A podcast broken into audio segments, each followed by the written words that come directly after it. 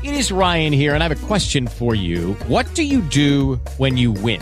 Like, are you a fist pumper? A woohooer, a hand clapper, a high fiver. I kind of like the high five, but if you want to hone in on those winning moves, check out Chumba Casino. At ChumbaCasino.com, choose from hundreds of social casino style games for your chance to redeem serious cash prizes. There are new game releases weekly, plus free daily bonuses. So don't wait. Start having the most fun ever at ChumbaCasino.com. No purchase necessary. VGW. Void were prohibited by law. See terms and conditions. 18 plus. Okay, round two. Name something that's not boring. A laundry? Ooh, a book club. Computer solitaire, huh? Ah, sorry, we were looking for Chumba Casino.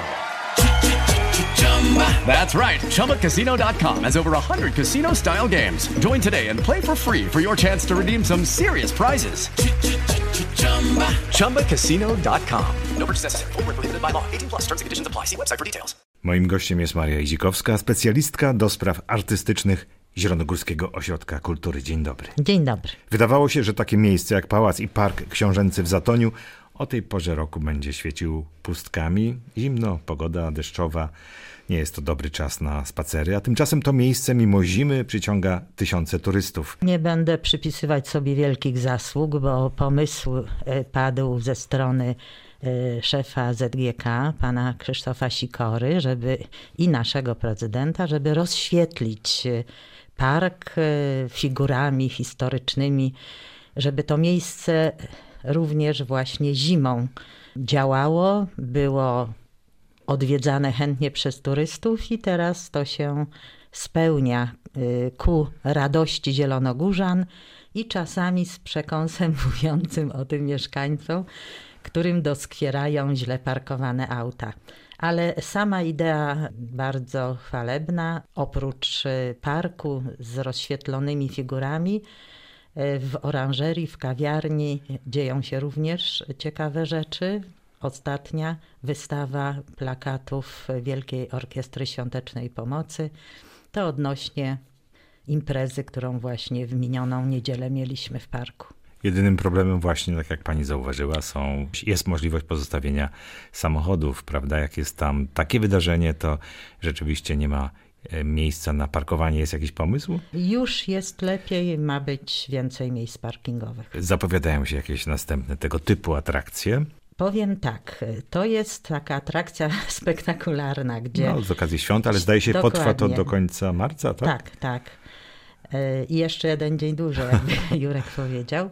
Od początku oranżeria, kawiarnia, przy oranżerii galeria, Fundacja Ogrody Kultury, Zielonogórski Ośrodek Kultury. Organizujemy tam ciekawe imprezy. To nie są tylko wystawy, a więc e, takie, powiedziałam, statyczne imprezy, są również koncerty, jest tego, y, wszystkich propozycji jest bardzo dużo, koncerty z filharmonii, festyny, przeróżnego rodzaju imprezy y, klubowe, które raz w miesiącu y, dzieją się w oranżerii.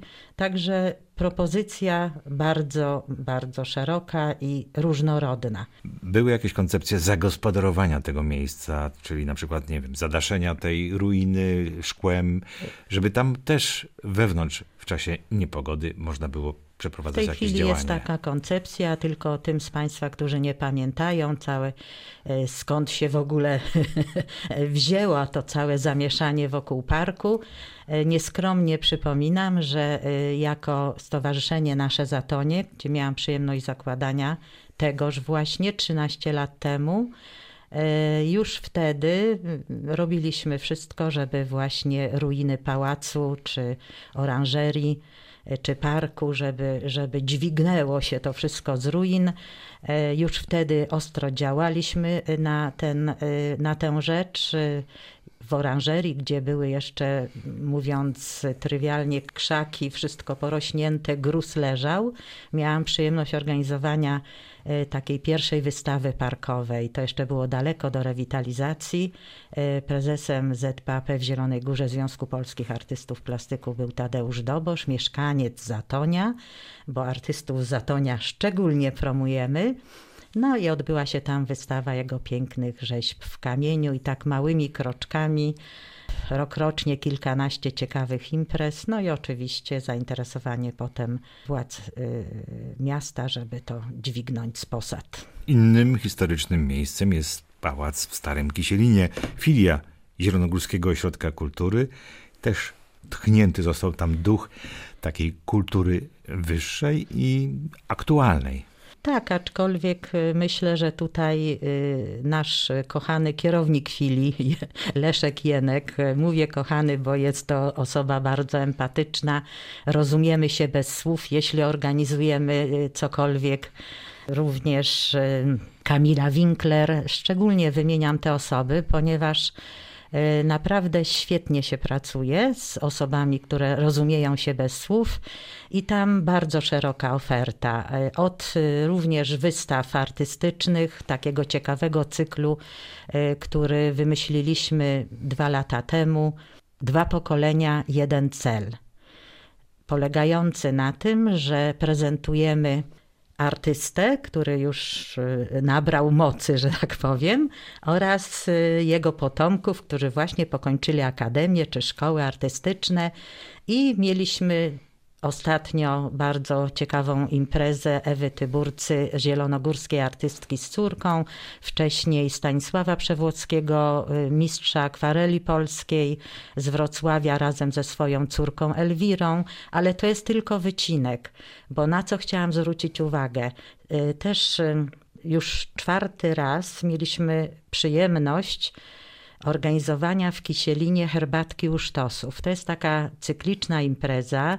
Pomaga nam w tym bardzo e, Stasiu Rogala oraz Halinka Bohuta-Stempel, e, która pisze scenariusze i e, polega to na tym, że wchodzimy w postaci historyczne dotyczące, dotyczące historii od pradziejów historii pałacu w Kisielinie, bo Zatonie wiemy, jest mnóstwo publikacji, są książki wydane e, e, w związku z tym tematem, natomiast Kisielin ma równie bogatą tradycję historyczną. Tylko nieudokumentowaną, tak? Formie... Nieudokumentowaną w takim sensie bogatym jak Zatonie, tym niemniej staramy się to robić, ponieważ tak jak wspomniałam, znany regionalista Stanisław Rogala jest skarbnicą wiedzy na temat Kisielina i zrodził się pomysł, żeby mieszkańcom Kisielina, którzy kojarzyli ten pałac z podupadającym w sensie materii e, archiwum państwowym i wiele osób nie wie jeszcze do tej pory, że mają taką perłę